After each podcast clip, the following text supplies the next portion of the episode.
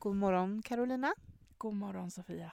Vi skulle ju egentligen åkt till en småhusmottagning och spelat in det här avsnittet men vi snöade in. Det, det kom för mycket snö och väder helt enkelt och vi kommer att spela in det avsnittet om någon månad istället när, när väglaget är lite torrare.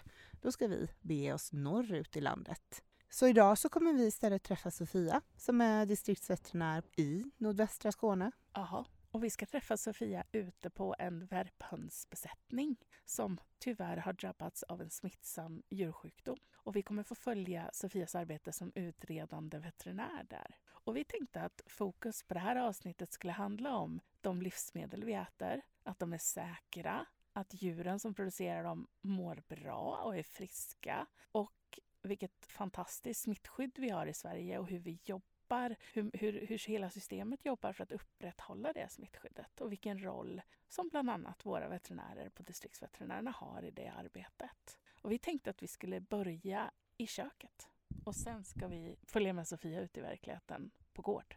Det ska bli jättespännande. Då åker vi. Ja, men det gör vi.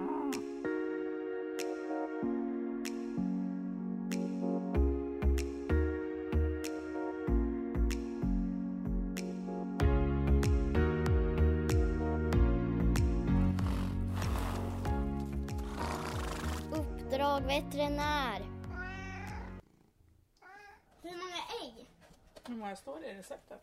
Jag vet inte. För du har tagit receptet. Nu ska vi baka chokladmuffins. Vi ska ju det. Nu ska vi baka chokladmuffins. Och två ägg ska vi ha. Ska du knäcka? Ja. Oj, vad bra det gick. Snyggt. Ska vi knäcka ett till då? Det gick också bra. Jag tror smeten är klar nu. Tror du det? Ska vi smaka?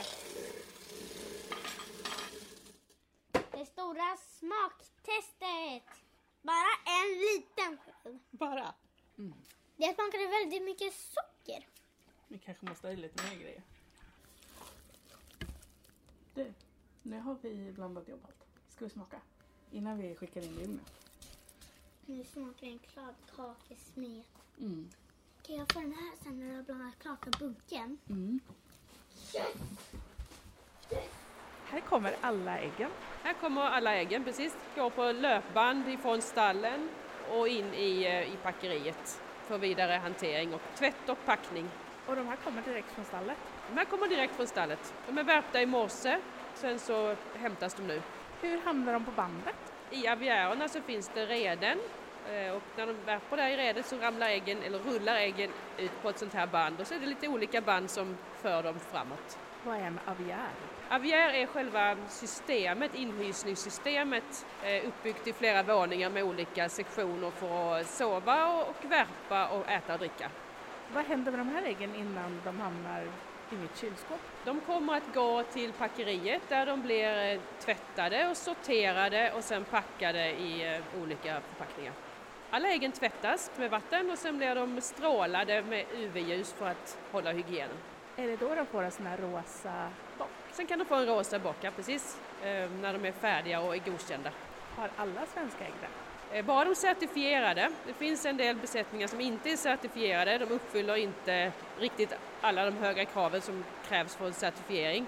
Eh, Så alla har inte den rosa bocken, men det ger ett, har de det så visar det på att besättningen ger ett mervärde vad det gäller djurhälsa och djurvälfärd och hygien. Kan äggen berätta någonting för dig när du jobbar med smittsamma sjukdomar? Ja, vissa sjukdomar ger eh, symptom på äggen. Man kan få skrovliga skal, man kan få eh, vad man kallar skinnägg där, det inte är, där de inte är hårda i skal utan är helt mjuka till exempel. Är det ett sånt? Miniägg. Är det miniägg? På tal om små ägg. Varför är det så lite? Därför att de är väldigt unga hönor. De håller på att lära sig att värpa. De på, har precis börjat värpa i det här stallet. Så att då, blir de, då är de små från början och så blir de normalstora när de är liksom inne i systemet och har värpt upp ordentligt. De flyttas vid 16 veckor och så börjar de värpa vid 18 ungefär och sen tar det ytterligare några veckor innan de har fått normal äggstorlek. Så i början så är de pyttesmå. Det är en flod av ägg. Ja, det är helt fantastiskt. Åker upp för den här lilla backen och sen så ut med taket in till eh, packningen. För jag tänker att det är dit de är väg nu. Vi har ju bara börjat den här lilla rundtrippen. Jag fick lite påskkänslor nu. Ja, det längtar vi verkligen efter. Vi går vidare. Hej Sofia! Hej! Vi sitter på en fjäderfäbesättning i södra Sverige. Och eh, den här besättningen är drabbad av en smittsam sjukdom och du är utredande veterinär på den här besättningen. Vad innebär det?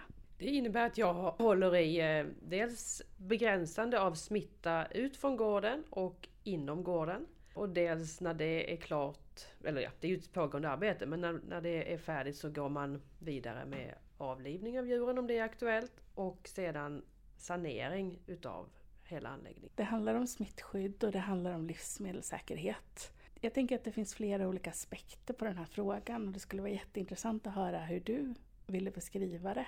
Som jag förstått så handlar det både om att djuren ska må bra och det handlar om att vi ska ha tillgång på livsmedel och det handlar också om människors säkerhet. Hur skulle du sätta ord på varför smittskyddsarbetet är så viktigt? Ja, det grundläggande smittskyddet är ju jätteviktigt för djurvälfärden i första hand. Eh, för att de ska hålla sig friska och må bra. Eh, och det gäller ju inte bara sådana smittor som där jag skulle kunna bli inblandad utan även normal smittskydd i, i vardagen. Liksom. Som man jämför med en dagisflock med, med ungar. Där alla blir sjuka för att de drar in olika smittor till samma grupp. Det är samma sak med djur. Man måste hålla egna gruppen intakt så man inte får in externa smittor. Så det är jätteviktigt. Och sen är det ju också så att många av de här farliga smittsamma sjukdomarna de kan ju också gå på människa. Salmonella till exempel, mjältbrand. Och då är det ju en extra aspekt på det att vi inte får en spridning av dem i, i landet. Vid många stora utbrott utav, som när vi hade influensasäsongen 2021, då hade vi ju extremt många fjäderfäbesättningar drabbade av influensa och det påverkar faktiskt livsmedelstillgången. Eftersom så många djur blev avlivade så försvann både äggproduktion och fjäderfäkött, alltså kalkon och slaktkyckling. Hur påverkas djuren när man får in en sån här smitta? Det beror ju helt på vilket smittämne det är. Eh, Om vi tar fågelinfluensa igen så där blir ju fåglarna extremt sjuka väldigt snabbt och väldigt, väldigt hög dödlighet. Så att där är det ju ett rent djurskyddsskäl att så snabbt som möjligt begränsa och avliva för de, de dör av sig själva annars. Eh, när det gäller salmonella till exempel så kan det vara väldigt olika. I de flesta fall så är djuren inte särskilt sjuka. Eh, I vissa fall så blir de vissa grupper utav djur sjuka. Kalvar till exempel kan bli väldigt sjuka medan de vuxna djuren inte blir det. Så att det varierar helt från smittämne till smittämne. Är det en ny företeelse att djuren blir sjuka och att de kan smitta människor? Eh, nej, inte alls. Det är inga nya smittor. Eh, däremot så ju, har ju vår produktion blivit annorlunda med åren med färre och större enheter vilket gör att det blir större effekt utav en smitta kommer in i besättning. Det drabbar fler djur och det drabbar då indirekt även fler människor. Går alla smittor på alla djurslag? Eh, nej, det är väldigt olika. Vissa smittor är väldigt artspecifika och vissa är lite mer eh, allmängiltiga. De är inte så noga med vad de drabbar. Eh, återigen, fågelinfluensa drabbar fåglar. Eh, salmonella kan gå på i princip alla djurslag. Lite olika från stam till stam men, men eh, de allra flesta salmonellor är väldigt generösa med vem de träffar på. Vilka smittor är vanligast att hantera som utredande veterinär? Eh, Det blir ju då fågelinfluensa, Newcastle som också drabbar eh, fjäderfä och också salmonella på olika djurslag. Sen har vi också ibland mjältbrand, eh, även om det är ett tag sedan nu. Vi vill inte få in svinpesten men den är väl den står och knackar på dörren på gränsen så den kommer vi att få hantera är jag rädd. Vi har svinpest i Europa idag. Vi har svinpest i Polen till exempel och i Tyskland. Det är nog bara en tidsfråga innan den kommer hit. Hur kommer en sån smitta in i landet? Hur skulle den kunna komma hit? När det gäller just svinpest så kommer den förmodligen att komma med eh, icke värmebehandlat kött som kallrökta korvar som man eh, råkar slänga ifrån sig i skogen. Eller illa rengjord utrustning eller fordon som har med sig smittan. Kanske en jägare som har varit och jagat vildsvin i Polen och får med sig smittan hem på sina stövlar. Skulle det kunna vara ett sätt att flytta smittan? Absolut, eh, det skulle mycket väl kunna vara så. Det får ju väldigt stora konsekvenser när vi får in de här riktigt allvarliga sjukdomarna. Som antingen är väldigt allvarliga för djuren, att de dör, eller för oss människor, att vi kan bli sjuka. Och det för med sig stora kostnader och stora djurlidanden. I vissa fall måste man avliva många djur. Varför väljer man att avliva djur? Varför använder man inte bara antibiotika eller vaccin eller, eller sådana saker? Varför måste man ibland avliva djur? Därför att ibland är det det bästa ur djurskyddsaspekt. Eh, som jag sa med fågelinfluensan, så när de får, får man in en smitta i en fågelgrupp så kommer de att dö inom en väldigt kort tid. Eh, man hinner inte behandla dem, det finns ingenting att behandla med. Skulle man börja vaccinera så har vi inte längre någon riktig kontroll på var, var smittan finns. För då kommer djuren att ha antikroppar antingen för att de är vaccinerade eller för att de kanske har, har smittan. Ehm, så att vaccination är ett tveeggat svärd. Dessutom så är alla influensor väldigt mutationsbenägna. Vilket innebär att precis som för vår människoinfluensavaccin så skulle vi behöva en ny stam varje år. Eh, och det är inte riktigt görligt att ut, utveckla en ny fågelinfluensavaccinstam varje år för nya vaccinationer. Eh, men, men det pågår diskussioner i Europa om eh, hur vi ska hantera det framöver eftersom vi har haft så väldigt stora problem de sista åren. Så att rent ekonomiskt börjar det kunna bli så att man, ja, att man kanske tvingas ge upp slaget om antikropparna, om man ska uttrycka det så. Så att vi får se var vi hamnar. Eh, men ett problem är som sagt att eh, det är väldigt svårt att få ett väl fungerande vaccin eftersom stammarna muterar. Och just fågelinfluensan påverkar ju faktiskt ganska många, inte bara mm, lite mer större kommersiella fjäderfäanläggningar utan det påverkar ju nästan alla våra hobbyhönsägare runt om i landet. Eh, ja det gör det. Dels för att de är lika benägna som en stor besättning att få smittan eftersom de, de fåglarna är oftast mer exponerade eh, till omgivningen än vad kommersiella fjäderfän är. Och dels för att de drabbas av restriktioner. När vi vill begränsa risken för smitta så kommer alla djur behöva hållas, eller alla fåglar behöva hållas instängda och det är ju naturligtvis mycket hobbyhöns som är vana vid att gå ute som då tvingas vara inne. I kanske lokaler som inte är avpassade för att ha djur inne hela tiden. Varför behöver man ha dem inne? Eh, därför att smittan kommer med vilda fåglar som flyttar. Eh, och är de ute så är risken att de får det här smittämnet i sig mycket större än om de är inne. Vad är symptomen på fågelinfluensa? Hur, hur ser man att fåglarna är smittade? Eh, ofta är det en väldigt hög dödlighet. Det kan vara att de går ner i produktion, de kan få nervösa symptom. Men ofta så det första man ser är att de, de dör i stor omfattning.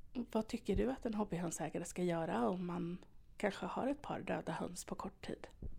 Då ska man ringa sin, sin närmsta distriktsveterinär och prata med, med denna och eh, förklara läget och lägga in, eller skicka in fåglarna till SVA för obduktion så vi får kontroll på vad det handlar om. Och då ska man betänka att om man bara har 10 höns så är ju tre döda höns en ganska stor andel. Så att det är ju inte det faktiska antalet fåglar som dör som är viktigt utan hur många utav gruppen dör om man ska kalla det hög eller låg dödlighet. Är det dyrt att obducera en höna? Eh, det måste vi kolla upp. Nej, det är inte särskilt dyrt eh, faktiskt. Jo, där. Obduktion fjäderfä flockproblem i hobbybesättning kostar 861 kronor plus moms på SVA. Så det är ju ändå en ganska begränsad summa för att få veta vad det är som händer i ens besättning och vad man har att hantera. Verkligen. Det finns några väldigt fina och viktiga ord som kan vara lite svåra att hålla reda på när man pratar om smittor och, och smittsamma sjukdomar. Vad betyder ordet episoti? En episoti är en allvarlig smittsam djursjukdom. Det är ett antal sjukdomar som är listade och lyder under epizootilagen. Som där i sin tur lyder under EU-direktiv. Där vi är väldigt låsta i vad man måste och får och ska göra. Och där har du som veterinär särskilda skyldigheter? Som utredande veterinär så, så får man eh, instruktioner styrda av den här lagstiftningen eh, om vad som ska göras. Så när man väl har konstaterat en smitta så, så faller man in i ett särskilt schema kan man säga. Och, och där myndigheterna bestämmer vad som, ska gör, vad som ska göras och hur det ska göras. Men också tar kostnaderna som är kopplade till åtgärderna. Ja precis, om det är en epizootisjukdom så kommer Jordbruksverket att eh, ta över ansvaret för hanteringen av utbrottet eh, och ge instruktioner till utredande veterinär hur, vad, vad som ska göras. Och även då ersätta de, de beslut som Jordbruksverket tar, de tar man också kostnaden för. Inte fullt ut, inte till 100% men till stor del. Ett annat sånt där ord som man stöter på när man börjar titta på smittsamma sjukdomar är ju zoonos. Vad är det för någonting? Det är en sjukdom som kan smitta från djur till människa, som går över artbarriärerna. Vilket egentligen är lite otypiskt för smittor. Ja, de flesta som vi sa tidigare, de flesta smittor håller sig till ett djurslag.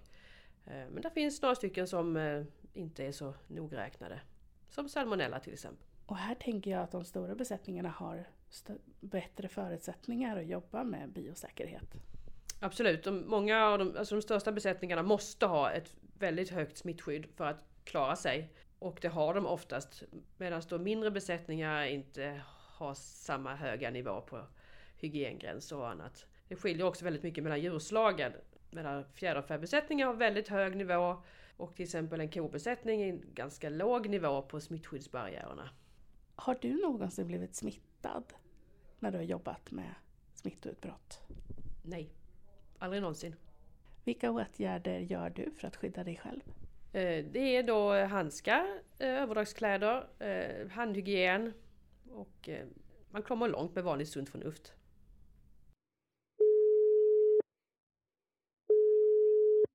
Robert, insatschef. Robert, vad betyder One Health för dig? För mig är One Health ett sätt att gemensamt kunna uppnå en hållbar balans mellan human och djurhälsa samt den miljö vi lever i. Den har att göra med att vi människor är en del av ekosystemet och kan påverka den både i rätt och fel riktning. När både konsumenter och producenter förstår One Health-principerna blir det enklare att hitta gemensamma fördelar av till exempelvis en viss djurhållning och lättare att identifiera risker och möjligheter. Förebyggande och vid behov bekämpande av smittsamma djursjukdomar är ett sådant bra och praktiskt exempel. Distriktsveterinärerna är ju en del av Jordbruksverket. Vad är distriktsveterinärernas roll vid ett utbrott av en smittsam eh, djursjukdom? Vid utbrott arbetar våra medarbetare tillsammans med djurägaren och övriga Jordbruksverket helt enkelt för att få bort smittan från gården. Som utredande veterinär spårar vi varifrån smittan kan ha kommit och om den eventuellt har gått vidare till andra delar av besättningen eller andra besättningar. Vi ser också till att smittan inte förs vidare genom att spärra gården och bidra med hygienriktlinjer och skötselrutiner. Dessutom skriver vi i samarbete med djurägarna och andra myndigheter, såsom till exempel SVA, saneringsplaner. I dessa planer beskrivs hur gården blir fritt från smittan genom tvätt, desinfektion och vid behov avledning av smittade eller befarat smittade djur. Behöver djur avlivas ser vi också till att det görs på ett respektfullt och djurskyddsmässigt korrekt sätt. Vid behov levererar vi även en letningsresurs på plats. Vi är 11 utbildade insatschefer som vid behov kan bygga upp och leda en så kallad operativ ledningscentral. Den kan då användas för provtagning, vaccination eller smittsanering av gårdar. Distriktsveterinärerna är dessutom mycket mer än en utbrottshanterare. Vi genomför väldigt många förebyggande besättningsbesök där vi bland annat ger råd om hur man kan stänga potentiella smittovägar och få en optimal djurhälsa. Till sist, vilka är de vanligaste smittsamma djursjukdomarna vi har i Sverige och hur många besättningar har drabbats de senaste åren? Mm. Spontant tänker jag då på både salmonella och fågelinfluensa. Samtidigt vill jag direkt lägga till att Sverige har ett gott djurhälsoläge. Salmonella är en zoonos och därför vill vi inte ha in den bland besättningarna av livsmedelsproducerande djur. Det senaste större utbrott har drabbat en stor fjäderfägård. Under 2020 smittades dessutom några grisbesättningar med en salmonella-typ som inte har funnits i Sverige sedan 70-talet, Salmonella cholera suis. Oftast ligger dock antalet av smittade besättningar mellan 0 och 10 per djurslag, så det är väldigt lågt. Under detta år har det upptäckts två fall av fågelinfluensa. Jämfört med andra länder har vi som tur är blivit förskonade från större utbrott. Tyvärr drabbades Sverige dock hårdare under säsongen 2021 då 24 svenska fjäderfäanläggningar drabbades under ett och samma säsong. För att inte drabba är det viktigt att man som både hobbyhönsägare och professionell fjäderfäproducent förebygger att ens fåglar kommer i kontakt med vilda fåglar. När man har konstaterat smitta och man inser att man behöver avliva smittade djur, Behöver man avliva alla djur i besättningen då? Eh, det beror på lite vilket smittämne det är och hur gården är uppbyggd. När det gäller fågelinfluensa som är väldigt smittsamt och eh, smittar via, via luft i stor utsträckning så är det oerhört svårt att inte behöva avliva alla djur på gården. Pratar vi om salmonella istället till exempel så kan man mycket väl avgränsa smittan till vissa avdelningar eller vissa hus eller vissa grupper beroende på hur snabbt man hittar smittan och hur snabbt man lyckas sätta de här extra hygiengränserna och så. Så man kan absolut ha gårdar med till exempel äggproduktion i ett hus medan ett annat hus just har blivit konstaterat eh, ha smittan och blivit avlivat. Så det går, det är lite olika från ämne till ämne helt enkelt. Men då provtar man alla avdelningar och ser vilka som är fria och vilka som är smittade? Absolut, då provtar man de här ännu icke smittade avdelningarna provtas intensivt, mycket oftare än de var femtonde vecka som är en normal provtagning. Man provtar väldigt ofta för att hålla kontroll på det, att man inte har fått in smittande. Vad är din analys efter all erfarenhet du har av det här arbetet? Vad, vad behöver vi göra framåt? Vad behöver vi utveckla vidare för att göra vårt smittskyddsarbete ännu bättre och vår hantering av smittsamma sjukdomar ännu bättre? Ja, det man måste göra det är att förebygga, förebygga, förebygga och då är det ju smittskyddsbarriärer och hygiengränser eh, i ännu större utsträckning än vi har nu. Och nu går vi in i en hygiensluss här. En hygiensluss består utav en barriär som man ska kliva över, handfat och sen en, en ren och en oren zon. Eh, så nu kommer vi utifrån och då kommer vi från den orena zonen och ska gå in till djuren då som är den, den rena zonen. Så är det normalfallet. I just det här stallet så har vi haft ett utbrott utav en, en smitta vilket innebär att det är tomt och då är plötsligt insidan den orena zonen och utsidan den rena zonen. Men principen är densamma, att det man har på ena sidan om barriären stannar där. Och det är en fysisk barriär här, det är liksom uppkaklat en halv meter drygt från golvet för att man liksom inte ska råka kliva in utan det ska vara tydligt att här är det stopp. Exakt, det ska vara svårt att göra fel och lätt att göra rätt. När det gäller hönsbesättningar så i det frivilliga smittskyddsprogrammet så finns det statuerat att en hygiengräns ska bestå av en barriär som är minst 40 cm hög. För att man ska måste kliva över, man ska inte kunna råka missförstå någonting. Och vad ska man nu göra när man går över här? Man ska lämna sina skor. Precis, man ska ta av sig skor och antingen byta kläder eller ta på sig överdragskläder när man kliver över. Sen ska man tvätta händerna innan man går vidare. Och så när man kommer tillbaka så gör man samma sak igen. Man tvättar händerna och man lämnar det man hade på ena sidan på den sidan och kliver över själv. Men idag duschar vi inte. Idag duschar vi inte. Det här är en eh, normal, normal besättning, en produktionsbesättning och då har vi inte någon, någon dusch utan det är framförallt i avelsbesättningar vi har det. Så, så nu tar vi av eh, tar vi de här overallerna. Och så får man ju tänka sig för att man inte kliver över med sina smutsiga ytterkläder utan man faktiskt klär på sig de rena kläderna när man går över kanten. Så det är lite av en balansakt att ta sig över barriären och klä på sig samtidigt. Här kommer yogapassen väl till användning. Precis, balans är bra. Så ingenting som har varit på utsidan ska följa med Och det där har du gjort förut? Det har blivit några gånger nu. Ja, man får utveckla viss teknik och det där med yoga är inte alls inte ett skämt utan det är väldigt nyttigt. Så, nu har vi lyckats ta oss över här utan att ta med sig någonting från utsidan. Och nu drar du upp den blåa overallen. Den blåa overallen så. Och sen har man en liten sån luva för att skydda håret. Och då är det bara ansiktet som sticker fram och händerna, och händerna. som ska tvättas. Precis, så nu tvättar vi händerna.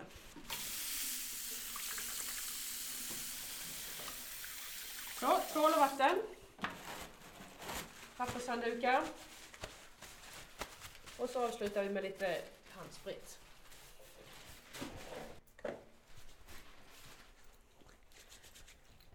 Så nu är vi så säkra vi kan på att inte ta med oss någonting in. Och sen gör vi samma sak när vi går ut sen igen fast tvärtom. Då är vi redo. Då är vi redo.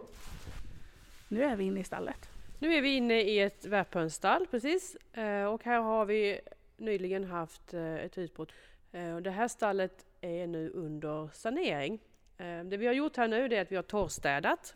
All gödsel och all, ehm, allt bäddmaterial är borta och det är sopat och städat. Ehm, nu ska det tvättas och desinficeras och sen avslutar man med att provta eh, överallt i stallet för att se att man verkligen har blivit av med alla bakterier. Så det är en lång process som vi precis har påbörjat. Och det är betonggolv och betongväggar. Och sen är det som en inredning i flera våningar. Och så hänger det som orangea skynken för? Är det för rederna? Det är för rederna precis så att hönsen ska få lite eh, privatliv där bakom. Så att här längst ner så går man och så har du fodertråg här där de äter. Nästa våning så är det rederna bakom där och sen vattenledning som de dricker ur. Eh, och när de då värper här inne i rederna så lutar golvet lite grann vilket gör att äggen rullar ner på ett äggband som sen för äggen ut ur stallet. Och längst upp så har vi då ytterligare yta, eh, sitt, sittpinnar och yta att vara på. Och hönsen vistas på alla de här våningarna? Det gör de. Eh, alla höns vistas inte överallt, men alla, de har tillgång till hela, till hela systemet, vilket innebär att golvytan blir ju väldigt mycket större i ett sånt här system eftersom du har golv i flera nivåer. Liksom. Så, Var äter de? Eh, de äter i den här rännan här, kommer det foder eh, utmatat vid en foderkedja. Eh, fem, sex gånger per dag. Och sen har de då vatten här i den här ledningen med de här nipplarna. Och det ser du ju väldigt många nipplar så det finns gott om, gott om utrymme för varje fågel till det. Och där finns ju vatten hela tiden såklart. Och det är fönster som man ser lite ut. Jajamän. Och utanför har vi det finns fönster här och utanför så har vi eh, verandor vilket innebär att det har extra golvyta med extra, extra ljus. Ehm, det där är klassat som en inomhusmiljö så det är ju inte direkt ute men det är ju ändå stora ljusinsläpp och extra yta. Och eh, de uppskattar verandorna väldigt mycket. De är där till stor del under dagen. När man jobbar förebyggande i ett sånt här stall för att inte få in smitta, vad är det då man ska vara noggrann med? Eh, det är ju de här hygiengränserna som vi pratade om. Eh, och sen är det kvaliteten på, på hus, att inte man får in gnagare, insekter, fåglar. För de bär ofta med sig både det ena och det andra eh, utifrån och in. Så att det gäller att det är tätt för utomstående. Det är det viktigaste. När man väl har fått en smitta, hur rengör man ett sånt här stall på ett bra sätt? Det är så otroligt mycket detaljer det här inne. Det är mycket teknik, det är mycket inredning, det, det är många små saker som ska bli rena. Eh, det här stallet är torrstädat. Man har alltså mockat ut bädden, man har skrapat bort all gödsel man ser, man har skrubbat och borstat på hela inredningen så att det är så, tagit bort så mycket torrt material som möjligt. Eh, det kommer sen att tvättas också med högtryckstvätt. Eh, och det är som du säger, det är, en, det är inte så lätt för det är oerhört mycket skrymslen i en sån här inredning. Men man får, eh, man får vara noggrann och eh, göra det på ett systematiskt sätt. Man jobbar sig uppifrån och ner så man inte stänker tillbaka skit på ett redan rengjort, en rengjord yta. Eh, Och så går man om mer än en gång. Och när det är tvättat sen så låter man det torka och sen desinficerar man innan jag kommer och provtar. Är det du som bestämmer hur man gör rent det här stallet? Nej, jag bestämmer bara att det ska vara rent. Sen är det upp till, till djurägaren och de som tvättar och se till att det blir så rent som jag vill ha det. Alla sådana här stall tvättas, inte riktigt varje år, men nästan med var 70, 70 veckors mellanrum ungefär. Så att de flesta har mycket goda rutiner för hur, hur man tvättar just det här, sitt eget stall. Liksom. Vad är din viktigaste roll som utredande veterinär i samband med smittutbrott? Eh, det är att se de, den större bilden eh, med eh, att man inte får en återsmitta med korsande vägar och vad finns det för risker med olika, olika moment, olika punkter i det hela. Med transport av döda djur och, och med, vad ska vi göra av gödseln och hur kan det här äggbandet som går igenom det här utrymmet, hur, hur mycket måste vi göra det rent? Finns det någon risk att det för smittan vidare? Och, och den typen av övergripande eh, åsikter och kunskap. Tar du mycket prover också? Eh, Jag tar mycket prover när, det, när vi hoppas att det är färdigt. Eh, Då tar jag prover och då letar jag ju efter missar. Jag går ju och letar i skrymslen och vråsen där man skulle kunna ha missat lite grann. För att, inte, för att det inte ska finnas någonting kvar. För det sista vi vill är ju att vi ska sätta in nya höns här och så har vi missat att det finns lite smitta kvar i stallet och så får vi ett nytt utbrott direkt. Det är ju, vore ju en katastrof. Den här vintern har vi hört mycket om ägg som återkallas i butik. Eh, kan man vara säker på att äggen man köper i butiken går att äta råa? Vi är ju vana vid att smaka på smeten eller, eller eh, inte koka ägg än äta löskokta ägg i Sverige? Eh, Sverige har en oerhört låg salmonellaförekomst. Man kan aldrig vara hundraprocentigt säker på någonting för salmonella finns i landet. Men vi har ungefär 0,6 procent av, varje, av gårdarna i Sverige får drabbas varje år av salmonella. Så generellt sett så kan man absolut äta svenska ägg utan att vara rädd för att bli sjuk. Eh, situationen är helt annorlunda nere på kontinenten, så där ska man vara försiktig med icke genomkokta ägg. Du är ju utbildad veterinär och tog examen 99. 99 och jobbar ju till vardags som vilken distrikt, distriktsveterinär som helst ute på fält. Det här är ju ett annat typ av arbete. Vad är det som gör att du tycker att det här känns så meningsfullt? Eh, Det är ett ganska spännande eh, arbete faktiskt att att försöka få den här helhetsbilden utav en hel gård och hur smittan kan flyttas och hur man kan förhindra det. Eh, sen är det viktigt ur livsmedelssäkerhetssynpunkt att vi har de här, ehm, har de här ut, saneringarna utav gårdar som har blivit drabbade. Eh, så det känns som att man gör en, en god samhällsnytta också. För det handlar om att vi ska kunna vara säkra på att de livsmedel vi äter är hälsosamma, att vi inte blir sjuka av dem. Och det handlar om att skydda djuren så att de slipper lidande och också säkra tillgången på livsmedel. Eh, Ja, precis. Du summerade väldigt väl där. Eh, Sen är det ju också de här eh, goda smittskyddsläget vi har i landet bidrar ju till att vi kan ha en väldigt låg antibiotikaanvändning på våra produktionsdjur. Så att det är ju ytterligare en aspekt att ju, ju bättre smittläge vi har, desto mindre antibiotika kommer vi behöva använda. När kommer det finnas höns i det här stallet igen? Vi siktar på att flytta in unghöns här vecka 20. Så det är ganska snart.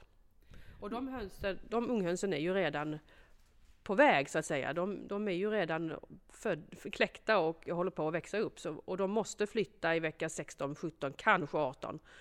Eh, så vi har kniven på strupen. Vi måste få det här rent till vecka 20 så att vi kan släppa in dem. Och då börjar de lägga ägg, för det gör de i en viss ålder. Precis, de ska ju in i det här systemet. Från unghönsuppfödningen till värphönssystemet måste de in vecka 16-17 eftersom de börjar lägga ägg i vecka 18, 19, 20. Och då ska de ha lärt sig hitta, de ska veta var reden är, de ska liksom ha hittat sin nya plats i, den här, i det här stallet. När du går på mataffären och handlar, tänker du någon gång på kopplingen mellan det du gör i sådana här situationer, ditt arbete och möjligheten att äta mat som är fri från smitta? Eh, indirekt gör jag det eftersom jag alltid köper svenskt eh, oavsett om det är ägg eller, eller kött eller vad det är.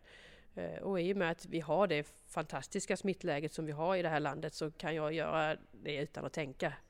Eh, jag kan äta icke fullt genomstekta hamburgare utan att vara rädd för salmonella. Jag kan göra majonnäs på svenska ägg utan att vara rädd.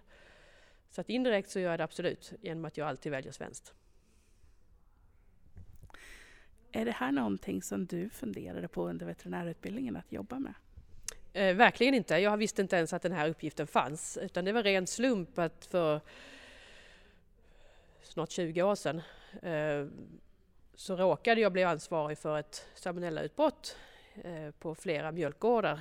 Sen har det bara rullat på att i och med att jag fick den erfarenheten så har jag fått bli tillfrågad om andra liknande uppgifter och samlat på mig mer och mer kunskap inom området. På vilket sätt är den här arbetsuppgiften givande som veterinär? Um, därför att man får den större bilden, man får göra en stor insats för många samtidigt. Uh, och så får man vara lite detektiv och, och få se att hitta de här lösningarna på saker och ting. Uh, och hitta svårigheterna och bristerna så att man kan motverka dem. Är du stolt över att svenska livsmedel är fria från många sjukdomar som finns utomlands? Verkligen. Vi har inte bara förmodligen världens bästa smittskyddsläge utan också väldigt hög djurvälfärd. Uh, så att jag är väldigt stolt över svensk livsmedelsproduktion. Men då är vi klara för idag. Ja, vad kul att ha er här! Spännande att se ditt arbete. Det är ju en annorlunda uppgift som inte man kanske är helt medveten om från början att den finns. Den har ju ett större perspektiv. en större mening. Precis, man, det handlar inte bara om ett enskilt djur utan både om väldigt många djur och väldigt många människor. Kör försiktigt hem. Detsamma. Tack för idag. Tack för idag. Nu åker vi hem mot Carolina. Tankeverksamheten startar ju mycket när man får möta Sofia och prata om smittskyddet på det här sättet. Om de här livsmedlen som vi använder dagligen.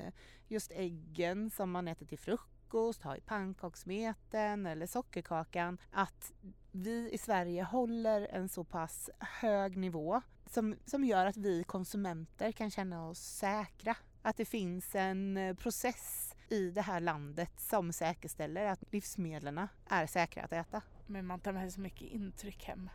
Vi tar så för givet att det ska finnas mat i butiken och vi tar för givet att vi kan äta det och det är säkert. Men det finns ju ett system bakom. Vi har ju byggt upp någonting, investerat i någonting. Och jag tycker det här som Sofia lyfte upp också med att, att vi har en så bra förebyggande smittskydd och att vi är så duktiga på att hålla nere nivån av smittor i landet gör att vi till exempel kan använda mindre antibiotika till våra djur. Och det är ju verkligen superviktigt. Utöver att det ger oss säkra livsmedel som vi kan äta utan att vara rädda eller kanske behöva koka äggen Mm. tills de är hårdkokta. Det är livskvalitet. Men nu ska vi ju rulla hemåt och eh, nu kommer det ytterligare ett litet snöväder här eh, som vi ska ta oss igenom. Så att vi ska köra försiktigt. Absolut. Betydligt nättare än det vi hoppade över. Nästa gång, om det nu går som vi har tänkt den här gången. Vi kanske ska sluta säga vad vi ska göra nästa gång. nästa gång så hoppas vi att det blir lite babyboom. Precis, då har vi ju planerna på att åka till eh, vår kollega Jessica som både är veterinär och lammuppfödare. Och eh, då förväntar vi oss att det blir många bebisar som kommer förhoppningsvis. Häng med oss då. Gör det. Vi hörs.